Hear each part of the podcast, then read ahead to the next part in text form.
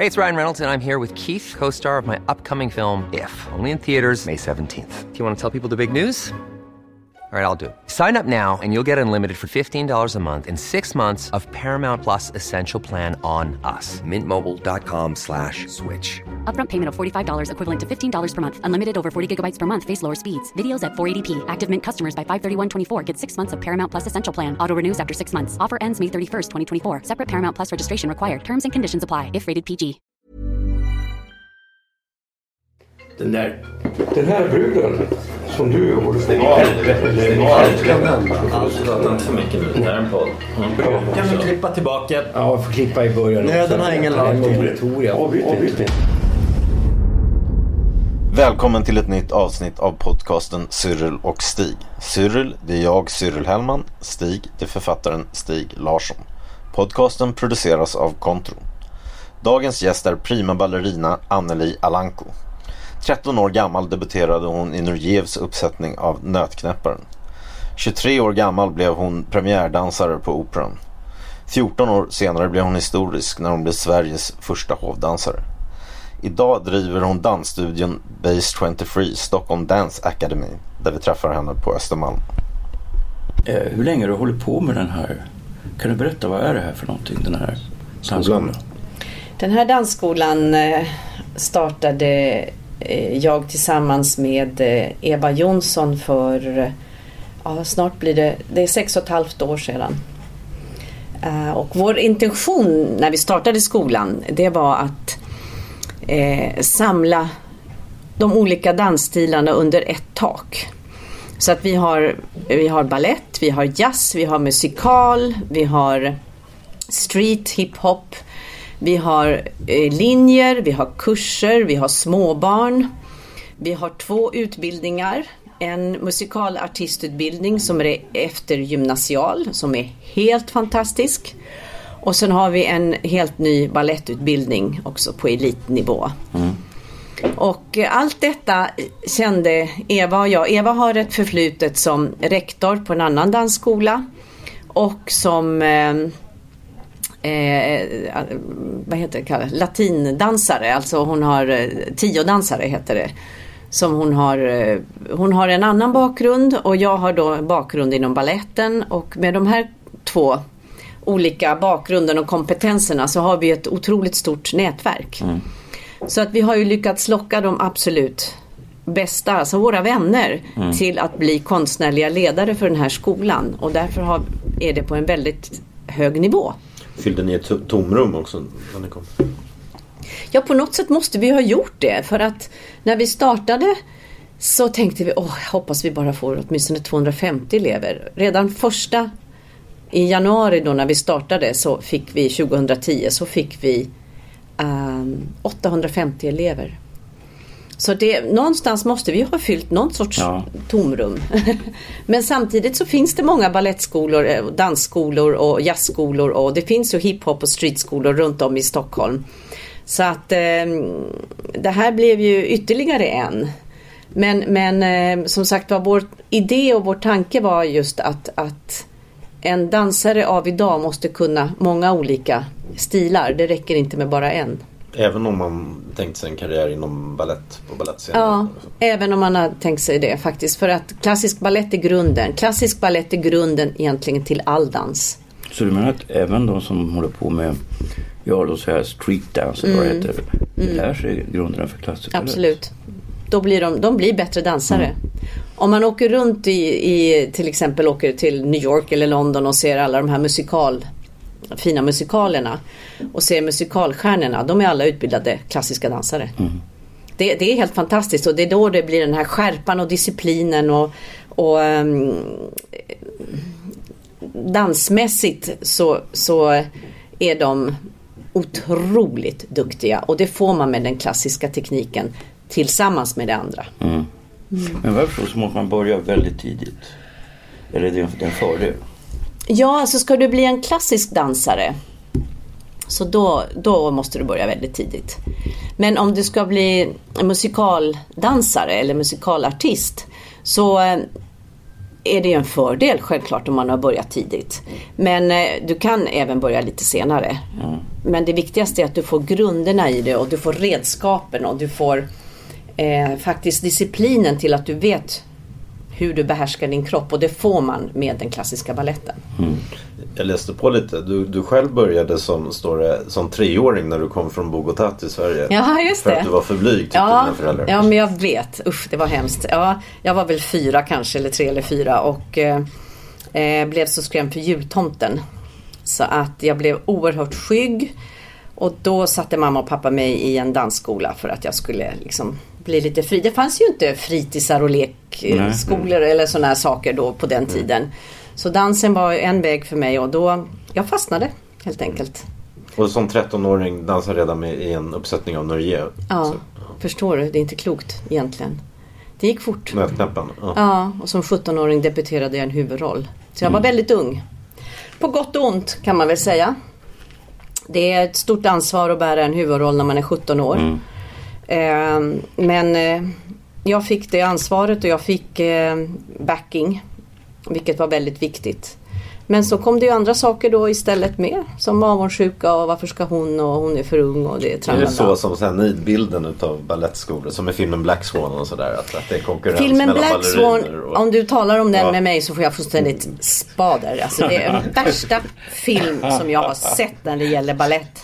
Det är så mycket klyschor och så mycket Alltså det, är- det är helt, alltså det finns inte en möjlighet om man ska dansa Svansjön att man kan gå ut och parta, festa kvällen innan och inte och, och äta en grapefrukt till frukost när man ska dansa. Alltså man behöver äta ordentligt för att få kraft att dansa.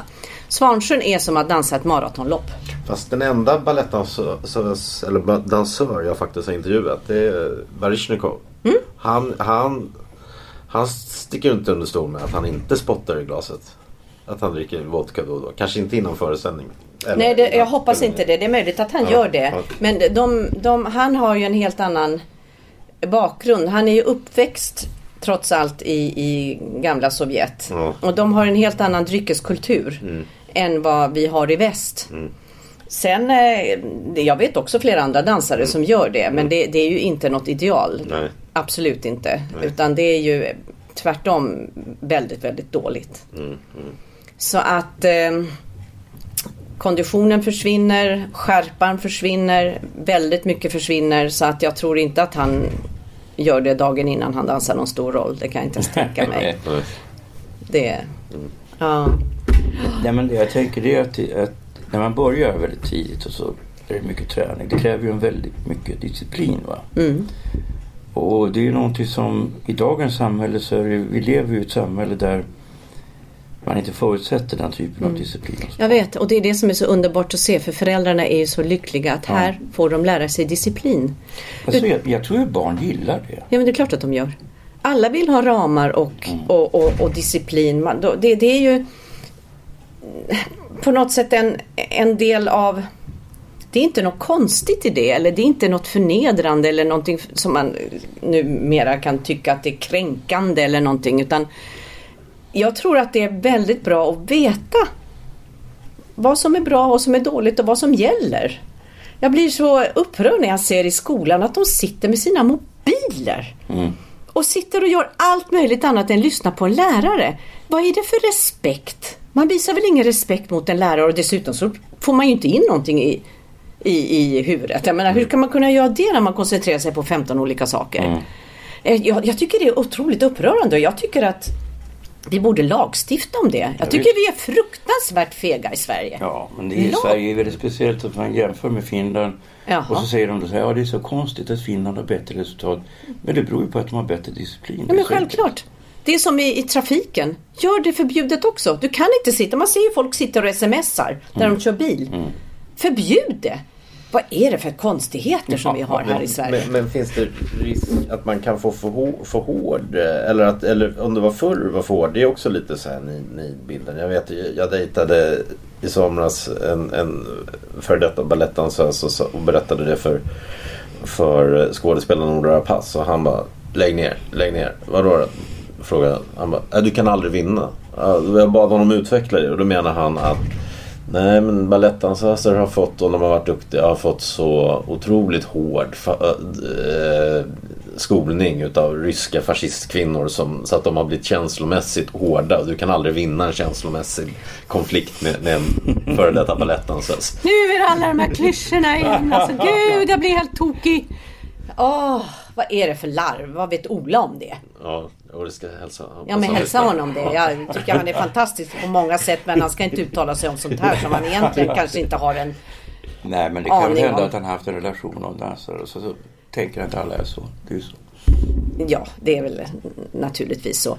Ehm, vad, eh, vad man lär sig som, som eh, dansare i, och med, när det gäller disciplinen det är ju att sköta sin, sin eh, fokusera, sköta kroppen, eh, vara i nuet när man tränar. Eh, är man borta någonstans så visar det direkt. Man, man lär sig ju inte på samma sätt. Och ballett är en, det är en oerhört svår konstart att lära sig.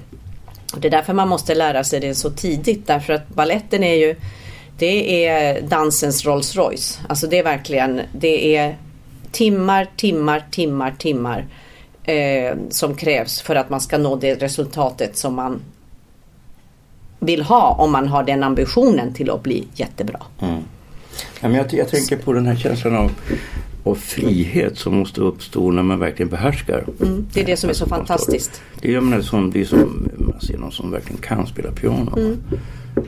Det är dit man vill nå. Ja. Det är ju där man, det är dit, men det är därför vi gör, gör allt det här för att just få den friheten till att kunna uttrycka det vi vill på scenen utan att tänka på tekniken.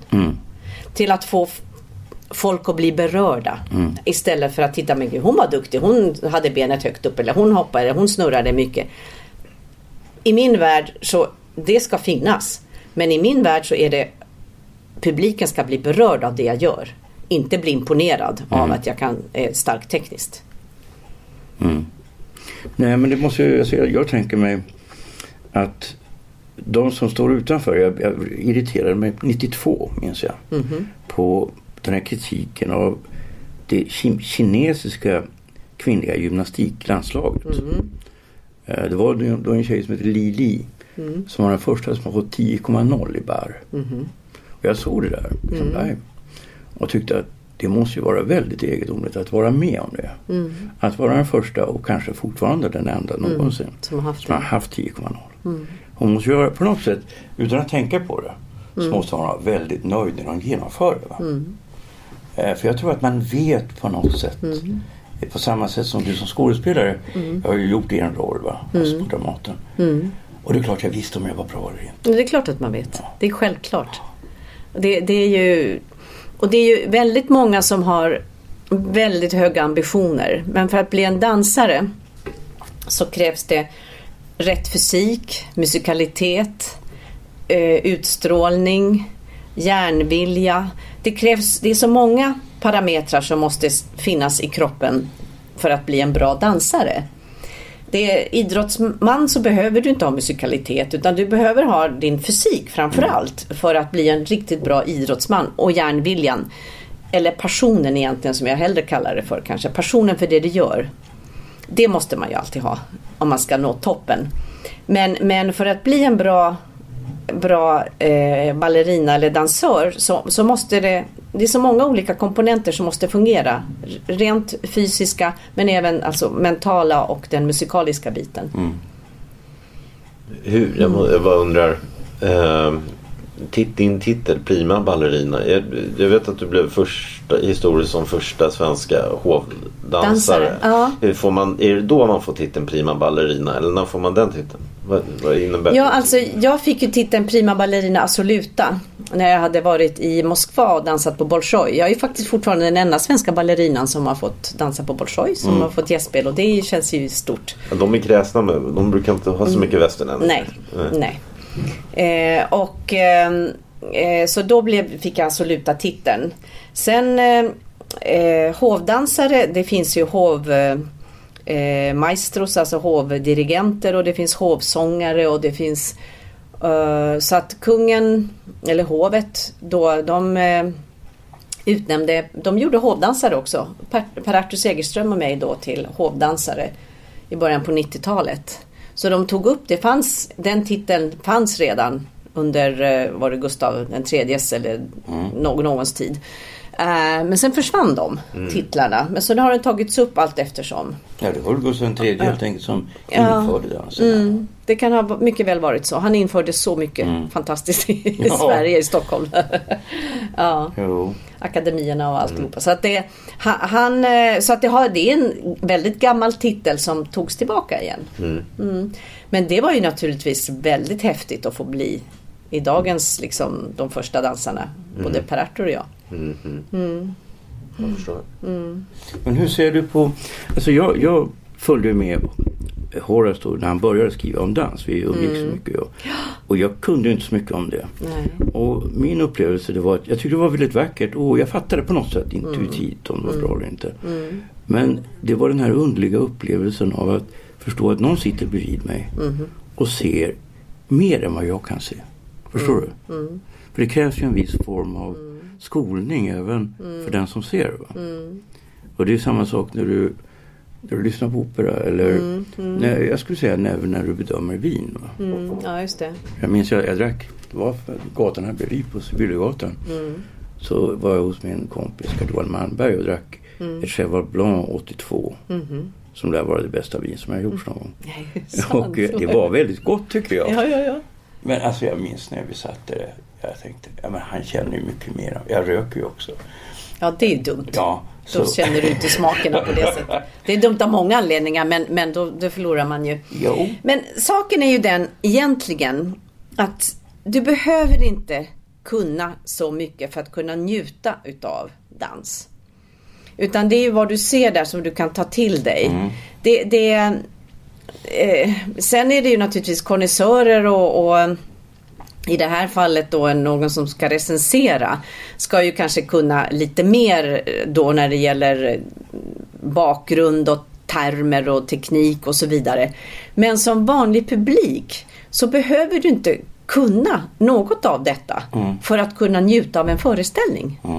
Det behöver du inte utan det är det jag just tänker mig att du ska bli berörd, du ska tycka att, det vackert att du liksom antingen tycker att det är förskräckligt eller också tycker att det är roligt eller bra eller någonting men att du blir berörd av det. Det är den stora eh, tycker jag målsättningen när man går på teater överhuvudtaget och det gäller samma sak tycker jag när det gäller skådespeleri. Dansens, dansens språk är ju universellt. Det är ju, du behöver ju inte kunna svenska eller ryska eller tyska eller någonting för att förstå. Så man måste göra med skådespelare. Och operor numera så textar man ju för att folk ska förstå. Eh, så att eh, där har ju dansen en stor fördel. Den ska bara kunna, man ska kunna sätta sig ner och bara ta till sig. Då är det fantastiskt. Men hur upplevde du när den här moderna dansen kom? Man kan säga att den kom egentligen på slutet av 70-talet Ja, Sverige. ja 70-talet. Hur reagerade du på det? Ja men det, är ju, det måste ju komma. Dansen måste Ja. utvecklas hela tiden. Sen, sen eh, ska man ju inte bara, det, ska ju, det ena behöver ju inte försvinna för att andra kommer utan tvärtom. Mm. Det har ju kommit ur, mycket har ju kommit ur den klassiska Mm. balletten. Eh, men den moderna dansen, den fria dansen, den är ju helt nödvändig. För dansen måste ju som sagt vara utvecklas hela tiden. Mm. Och det har ju kommit med hiphop och street och den kulturen också som vi har fått då, väldigt mycket från utlandet. Vilket också har blivit otroligt stort i Sverige, vilket är fantastiskt. Så att dansen... Det är, det är så intressant för att jag läste i tidningen Fortune eh, att dans i publika och ekonomiska termer är det största inom nöjesindustrin. Så. Nummer två är, är, är turnerande rockgrupper och nummer tre är opera. Men va? Dans är så stort. Det är så in, intressant. Alltså ni anar inte vad det dansas. Det dansas överallt i stugorna i hela Sverige. Liksom, det, om vi nu tar vårt land. Men dans är stort. När du, redan som liten när du ser en liten bebis hör musik. Så är dansen där. Den finns direkt. Den finns inom oss. Men det finns ju också, jag tänker så här, att det finns risker att vissa saker eroderar, att det försvinner. Och det är liksom en tradition som måste upprätthållas. Så jag vet ju att Birgit Åkesson skriver då om den afrikanska Ja, dansen. Och där vad jag förstår så var det så att de här dansakademierna som var väldigt krävande och man började också när man var väldigt, väldigt liten. Eh, De försvann ju under tiden som hon undersökte det här.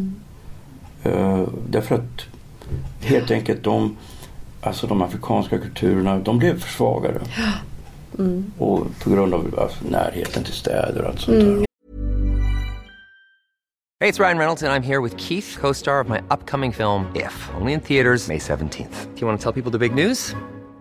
All right, I'll do it. Sign up now and you'll get unlimited for $15 a month in six months of Paramount Plus Essential Plan on us. Mintmobile.com slash switch. Upfront payment of $45 equivalent to $15 per month. Unlimited over 40 gigabytes per month. Face lower speeds. Videos at 480p. Active Mint customers by 531.24 get six months of Paramount Plus Essential Plan. Auto renews after six months. Offer ends May 31st, 2024. Separate Paramount Plus registration required. Terms and conditions apply if rated PG. Millions of people have lost weight with personalized plans from Noom, like Evan, who can't stand salads and still lost 50 pounds. Salads, generally, for most people, are the easy button, right? For me, that wasn't an option. I never really was a salad guy. That's just not who I am. But Noom worked for me. Get your personalized plan today at Noom.com. Real Noom user compensated to provide their story. In four weeks, the typical Noom user can expect to lose one to two pounds per week. Individual results may vary. Ja, men precis. Och det är jättesorgligt. Det är väldigt, väldigt sorgligt att det är så. Men det gäller att det finns någon då som, som verkligen tar hand om det och som för det vidare. Vi, vi har ju lite samma sak när det gäller vår eh, 1700-1800-tals dans som vi har dansat mycket på Drottningholm till exempel. Konfidansen har ju fortfarande kvar det men, men Drottningholm är det inte så mycket längre. Och det är ju någonting som vi i Sverige har varit fantastiska på. Att upprätthålla den, den tekniken så att säga med, med eh, den stilen. Men det håller ju också på. Hur ser det ut på balletten i Stockholm? Är det svenska dans, dansare eller är, tas det från Östeuropa och, och så? Eh, nu i, på Operan i Stockholm, på, i Kungliga Svenska Balletten så är det väldigt blandat. Väldigt, väldigt blandat. Så att det, det, är, det är en eh, riktig blandning av hela världen skulle jag vilja säga. Får man som idrottsmän eh, slitageskador och så ju äldre man blir och, måste sluta? På. Ja. Man, man pensioneras ju ganska tidigt i Sverige och, Ja, och får någon det gör man. pension va, fortfarande va? Ja, Och- precis. Det gör man absolut. Man, man, eh, slitage, det får man det som idrottsmän. Det här är ju en idrott. Vi, vi, så att beroende också på hur man har skött kroppen och vad man har för kropp. Eh, har man, är man väldigt stel från början och så vidare och måste liksom stretcha och göra mycket så det är klart då sliter man ju mera på kroppen. Sen är det eh, förslitningsskador kan man ju få utan att dansa också. Så att jag menar, det är väldigt, eh, väldigt individuellt allt det här. Men man f- måste fortsätta träna va? Ja, det ska man alltid göra. Det ska man göra. För att jag vet ju, Birgit Åkesson var ju då väldigt gammal då på slutet. Ja. Men hon fortsatte att träna. Mm, precis. För hon sa att man får ont annars. Ja, det är helt sant. Det är, och det är ett behov. För att, menar, vi är så vana vid att träna. Mm. Vi har ju liksom tränat hela vårt liv. Mm. Så lägger man av det. Jag la ju av här ett tag när jag hade så mycket med skolan då. Alltså B23 tog ju 24 timmar sju dagar i veckan. Alltså så kändes det. Så, och då tog jag mig inte tiden till att träna. Så att under tre, fyra års tid så tränade jag nästan ingenting. Och det är ju inte bra. Absolut inte bra för kroppen. Så nu försöker jag ta mig i kragen. Men hur ser du, alltså för jag måste ju erkänna att jag var ganska jag följde med ganska bra i vad som hände. För jag vad kände kul. också en hel del, alltså både dansare och koreografer. Alltså du vet Per Jonsson och den, Här ja. den generationen. va? Underbar. Mm. Och, och, men sen så upplever jag att, att det liksom, jag upplever att det egentligen är så, nu säger jag någonting väldigt kontroversiellt. Men jag upplever att det är någonting nästan generellt över hela den svenska kulturen. Att någonting dog ut i början av 90-talet. Det var som att, eh, jag vet inte, det, det, jag bara tänker högt att det handlar om en materialförslitning eller så. Att det kanske handlar också om generationer. För att det är naturligtvis på det sättet att man påverkas av varandra. Titta på 60-talet i Liverpool. Det är klart att liksom både Beatles och Rolling Stones mm. där kommer fram i den där lilla Ja. skitstaden. va. Eh, Stones var London. det var Stones i London. Men det, Mercybeat, det var mycket i Liverpool. Ja. Men alltså, jag tror att det, det, men att det är så underligt att, för jag upplever att nu när det, när det handlar om dans, så det- Virpacken har jag sett. Va? Men alltså, kommer det fram andra intressanta koreografer? Ja, jag har ju då Virpi Pakkinen och sen har jag Kenneth Kvarnström. Ja, Kenneth som mina- Kvarnström, som ja. Kenneth som jag tycker är Jag har outstanding. Mm. berättat om hans senaste verk att det var så bra. Ehm, vad som har hänt under de här tiden det är ju den här slit och släng. Nu ska ju ungdomar prova lite av det och så ska de prova lite av det och så ska de känna efter vad de känner och sen ska de göra det och sen är det för ansträngande och då slutar man med det för föräldrarna blir så oroliga hur det ska gå och så vidare. Och eh, det, det är ju inte på samma sätt som det var när jag var liten. Att man spelade tennis och så fortsatte man att spela tennis om man tyckte att det var roligt. Eller man dansade så fortsätter man där. Nej, nu ska det provas fram och tillbaka och hoppas lite här och där för att, för att man ska få känna på hur, vad man tycker om att göra och så vidare. Och det är klart att då blir det ju inte samma fokus på det man gör. Och vad det gäller just dans så liksom många andra idrotter ska jag faktiskt också säga. Så, så måste man måste vara väldigt dedikerad för att man ska nå resultat. Och det är en eh, Det kanske är någonting som inte alla unga människor idag riktigt har ork till. För att det, det, det är tufft. Det är Nej, men tufft. sen har det väl också blivit en... Jag märker ju det på unga människor som jag helt enkelt stöter ihop på Lilla Essingen där jag bor. Mm. Som är liksom du vet, begåvade och håller på och skriver eller kanske skådespelare. Men alltså de ekonomiska villkoren Mm. har blivit mycket tuffare. Mycket. Och det har då gjort att, om man säger de som är killar, Mm. många av dem jobbar i byggbranschen idag. För att överleva. Va? Sen gör de grejer vid sidan om kanske rockmusik eller Mm, konst eller grafik. Eller, Ja, eh, och tjejerna jobbar oftast inom vården. Mm, precis. Det är inte som när, när jag växte upp när man kunde helt enkelt om man upplevde att man var tillräckligt be- begåvad va, så kunde man satsa och tänka det här kommer jag kunna ha som yrke. Va? Mm, nej men precis. Det är ju, det är Ja, ju väldigt ovanligt. det är ju samhället som har förändrats. Ja. Så är det. Och allt med den. Allt med det. Du nämnde tennis förut. Eh, Jag läste att du var väldigt duktig i tennis. Att du hade Björn Borgs tränare Percy. som- Percy, ja, precis. Ja, jag älskar att spela tennis. Mm. Men stod det någon val där mellan balletten och tennis? Ja, Att det var- gjorde att det. var så Ett tag, ja. mycket? Det gjorde det faktiskt. Och ehm, dansen har ju en magi som liksom tog mig, kan man säga, med storm. Eh, sen att jag älskar att spela tennis, det gör jag fortfarande och det vet man ju aldrig hur det hade gått men men ehm, jag valde dansen för att jag kände att det var mitt sätt att kunna uttrycka mig. Finns det någon likhet? Jag vet att som tennisspelare, de, de, ofta, de har ju en sån här tjurskall, måste vara väldigt envis och sådär. Det kanske behövs för balletten också kan jag tänka mig. Mhm. Absolut. Absolut. Ju mer tjurskallig man är ju mer tror jag. Ja men sen handlar det väl också om koordination och liksom att kunna hitta Ja det är också en Ja. del av det hela. Och det finns ju en musikalitet i att spela rytmiskt och spela koordinerat. Så är det ju, absolut. Mm. Ja, men det var, det var inget lätt val faktiskt. För att jag var ju Hur tvungen att välja. då? 16 år. 15-16. Tvungen att välja. Mm. Men jag har ju fortsatt att spela tennis men, men ehm, på en annan nivå. Mm. Så är det. Din pappa var generalkonsul där i Bogotá. Mm. eh, Bodde du utomlands i perioder och så som barn? Växte du upp utomlands? Nej, efter, ja, när jag var fyra, fyra eller fem, ja, fyra år kanske. Eh, så kom vi till Sverige. Mm. Och eh, sen bodde vi fyra syskon och mamma i Sverige.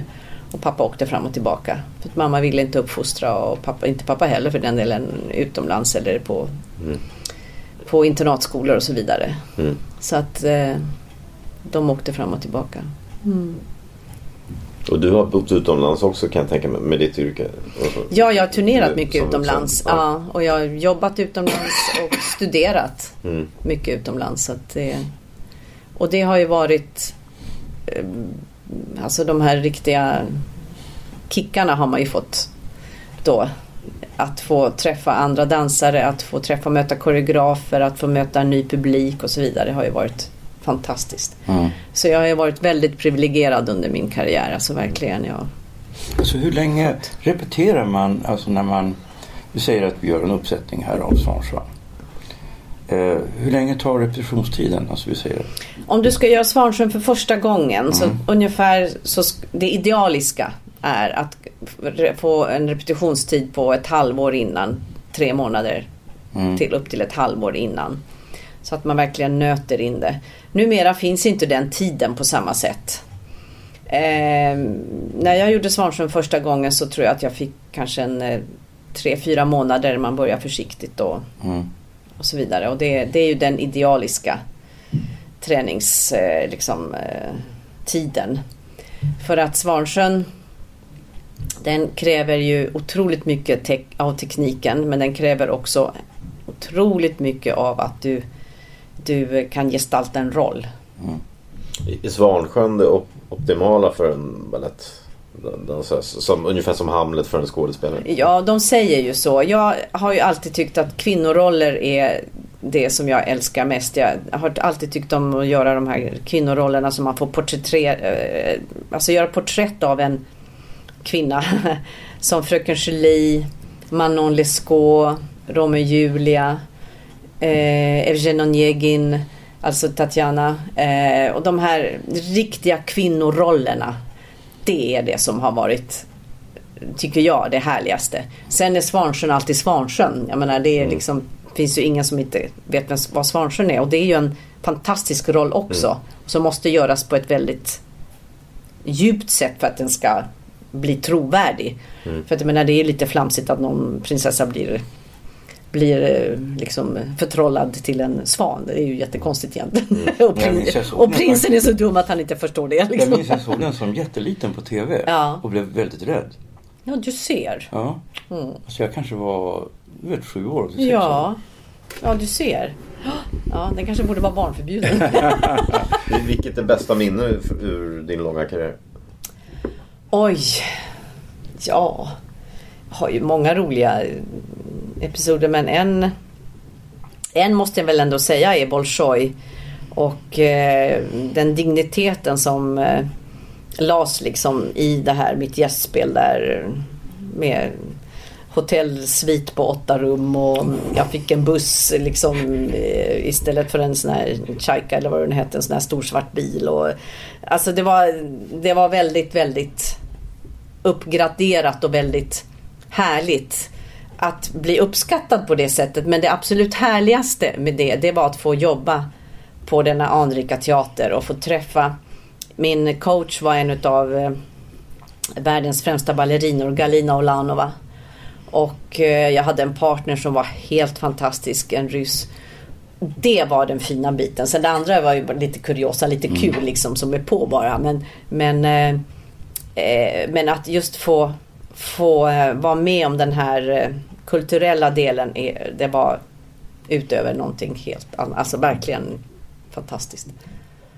Sen är det roligt att ha dansat, eh, jag menar, dansat på Kuba och fått hälsa på Castro. Och, eh, få, liksom, förstår ni? Det är Ja. så många olika sådana saker som är Som följer med. som följer med när man liksom har kommit så pass långt som jag har gjort i min dans. Så att, eh, ja. Men, men att få gestalta kvinnoporträtt och göra roller, det är väl det som är det som har varit det mest fantastiska i, i min karriär tycker jag. Mm. Och Sverige, Stockholm, 70, 80 och en bit in på 90-talet hade ju en enorm repertoar. Enorm. Så att vi hade ju nästan alla de stora koreograferna här. Mm. Så att jag var lyckligt lottad att få...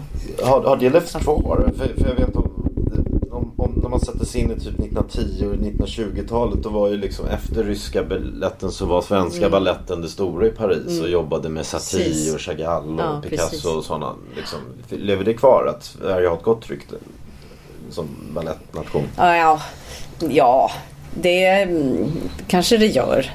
Men just, jag tror inte vi kan rida på den vågen Nej, nej. nu. Det, det gör vi inte. Men vi hade ett, otroligt gott rykte då på 70 80-talet och det berodde ju mycket på eh, Erik Brun som är en av världens främsta dansörer då. Han var ju chef här ett tag. Det var ju han som plockade fram mig.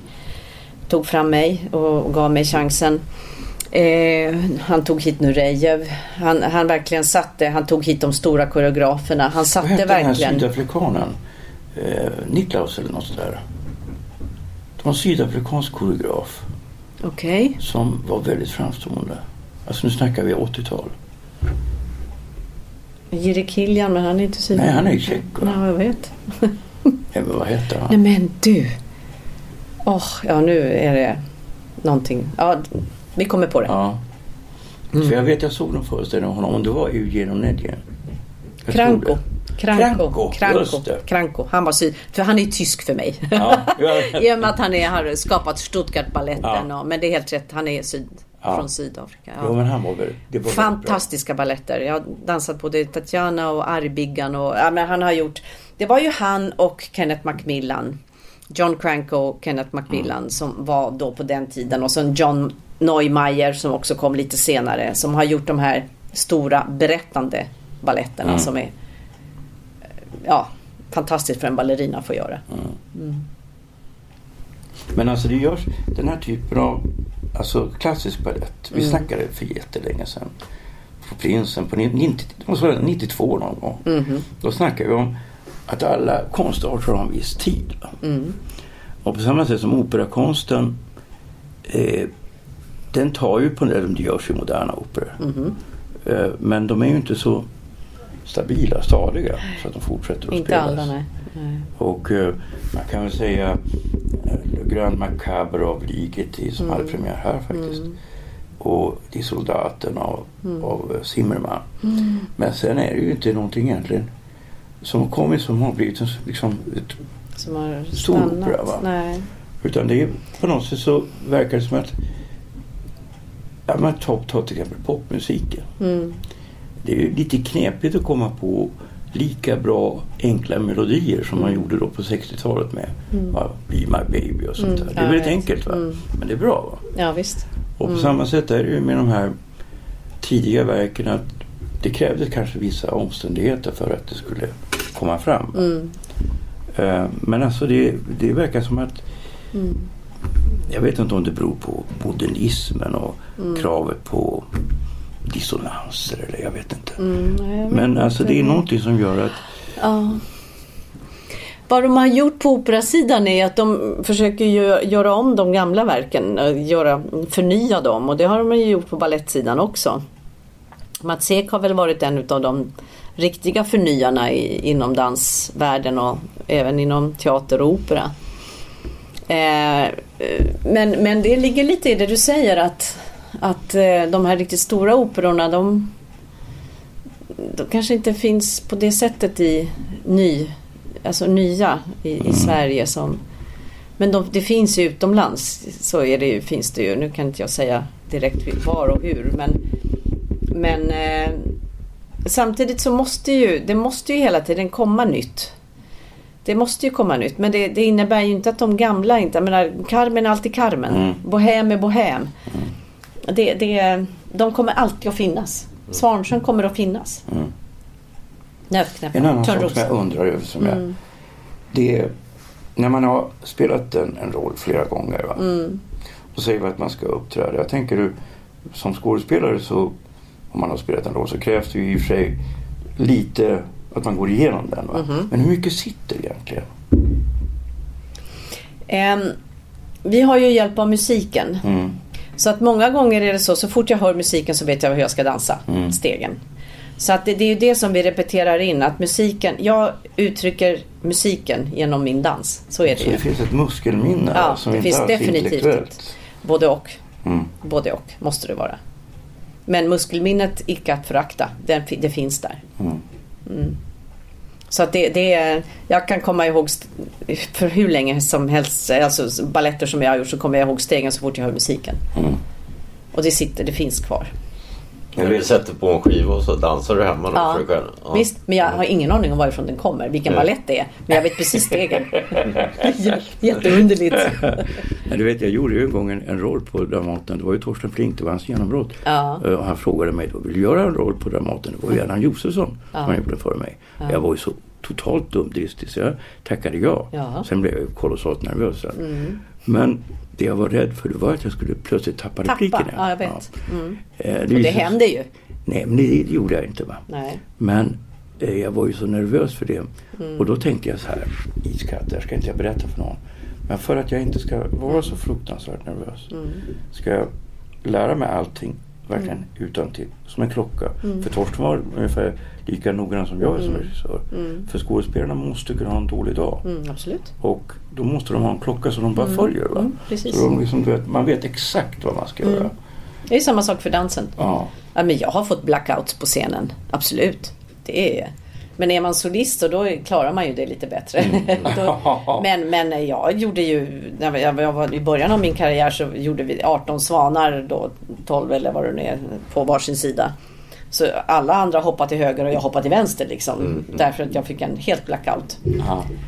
Så att det, man får ju blackout, det är ju självklart. Vi är inte mer än människor. Ja. Men, men eh, ofta så kommer man tillbaks in i det direkt när man hör musiken. Jag tror att vi klarar det. Ja, det är 40 exakt. Eller 39 minuter. Är det sant? Ja, alltså jag har så jävla timingkänsla. Vad roliga ni är. Even when we're on a budget, we still deserve nice things. Quince is a place to scoop up stunning high-end goods for 50 to 80% less than similar brands. They have buttery soft cashmere sweaters starting at $50, luxurious Italian leather bags, and so much more. Plus, Quince only works with factories that use safe, ethical, and responsible manufacturing. Get the high-end goods you'll love without the high price tag with Quince. Go to quince.com slash style for free shipping and 365-day returns. Planning for your next trip? Elevate your travel style with Quince. Quince has all the jet-setting essentials you'll want for your next getaway, like European linen, premium luggage options, buttery soft Italian leather bags, and so much more. And is all priced at 50 to 80% less than similar brands. Plus, Quince only works with factories that use safe and ethical manufacturing practices. Pack your bags with high-quality essentials you'll be wearing for vacations to come with Quince. Go to quince.com slash pack for free shipping and 365-day returns.